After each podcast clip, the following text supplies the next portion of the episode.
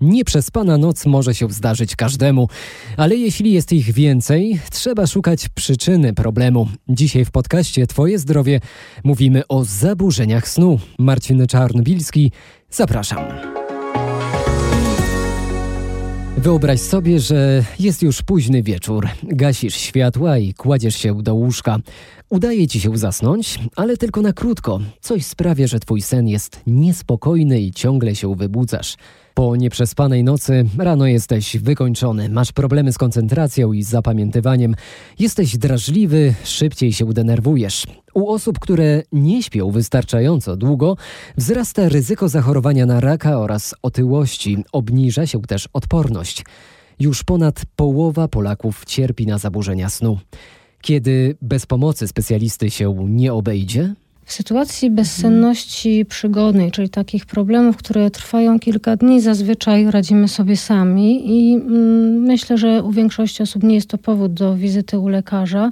Natomiast w przypadku bezsenności przewlekłej, o której mówimy już wówczas, kiedy problem trwa powyżej miesiąca, warto zgłosić się na konsultację lekarską z tego względu, żeby nie utrwalił się problem, żeby jak najszybciej przyjrzeć się, co wywołało bezsenność, jakie czynniki można wyeliminować i czy konieczne jest włączenie leczenia. Tłumaczy neurolog dr Anna Boratyńska. Niestety wielu z nas wybiera drogę na skróty. Nie mogę zasnąć, więc idę do apteki po środki nasenne. Dłużej stosowane doraźne leki nasenne niestety przynoszą więcej y, skutków niepożądanych niż korzyści, których potencjalnie można by się po nich spodziewać. E, przede wszystkim są e, czynnikiem ryzyka upadków, urazów, y, y, wypadków komunikacyjnych. Mogą też na dłuższą metę zaburzać funkcjonowanie poznawcze. Bezpiecznym czasem stosowania tych leków jest okres 2-3 tygodni, ponieważ już po takim czasie u około 50% pacjentów pojawiają się objawy uzależnienia, zarówno psychicznego, jak i fizycznego od tych leków. Podkreśla neurolog. Jak zadbać o dobry sen? Na pewno każdy z nas musi zwracać uwagę na higienę snu. Praktyczny poradnik znajdziecie na portalu Twoje zdrowie rmf24.pl. Piszemy tam o kilku ważnych zasadach. Między innymi o tym, by nie próbować zasnąć na siłę, a rano wstawać zawsze o tej samej porze.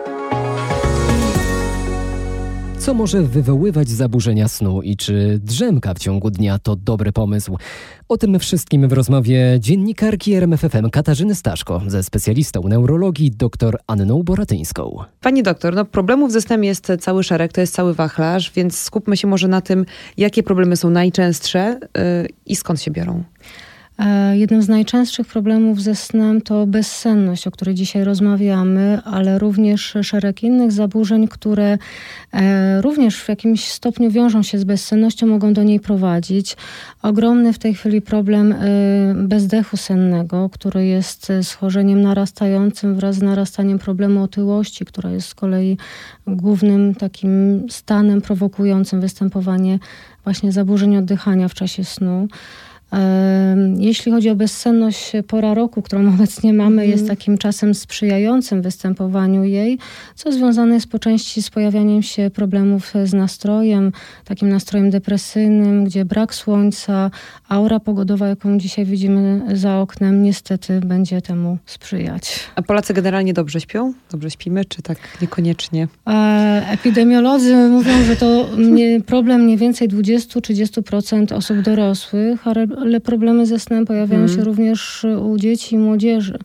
Więc y, z tej perspektywy patrząc, niestety bardzo wielu z nas y, y, ma różnego rodzaju problemy z bezsennością, bo to może być i problem z zaśnięciem, to mhm. może być problem z utrzymaniem ciągłości snu, czyli wielokrotnym wybudzaniem się w czasie nocy i mhm. trudnością z ponownym zaśnięciem czy też przedwczesne wybudzanie się, trzecia, czwarta i już koniec. I już nie można dalej. Mm. Bardzo często mówi się, że stres jest główną przyczyną wielu schorzeń, wielu chorób.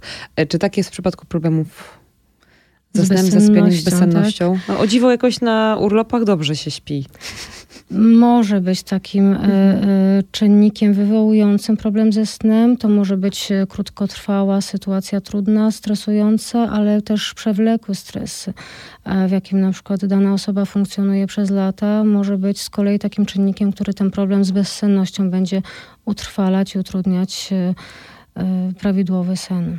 To na koniec naszej rozmowy jeszcze chciałam zapytać o coś, co w sumie jest bliskie chyba pracy w naszej branży dziennikarskiej, ale nie tylko. E, chodzi mi o pracę albo w, w zmiennych godzinach, mhm. e, albo pracę w, na zmiennych dyżurach raz dzień, raz noc. E, tutaj często też pojawiają się problemy ze snem, przez to, że ten rytm dnia, rytm dobowy jest rozchwiany. Czy drzemki? 15 minut w fotelu albo 15 minut na kanapie, czy to jest coś, co może nam pomóc i czy to jest wskazane? E, drzemka osoby zdrowej, taka, która nawet funkcjonując mhm. w systemie zmianowej pracy, ale jeszcze nie mająca problemu z bezsennością, wydaje mi się bardzo takim efektywnym sposobem na zwiększenie swojej aktywności w drugiej połowie dnia czy po takiej drzemce.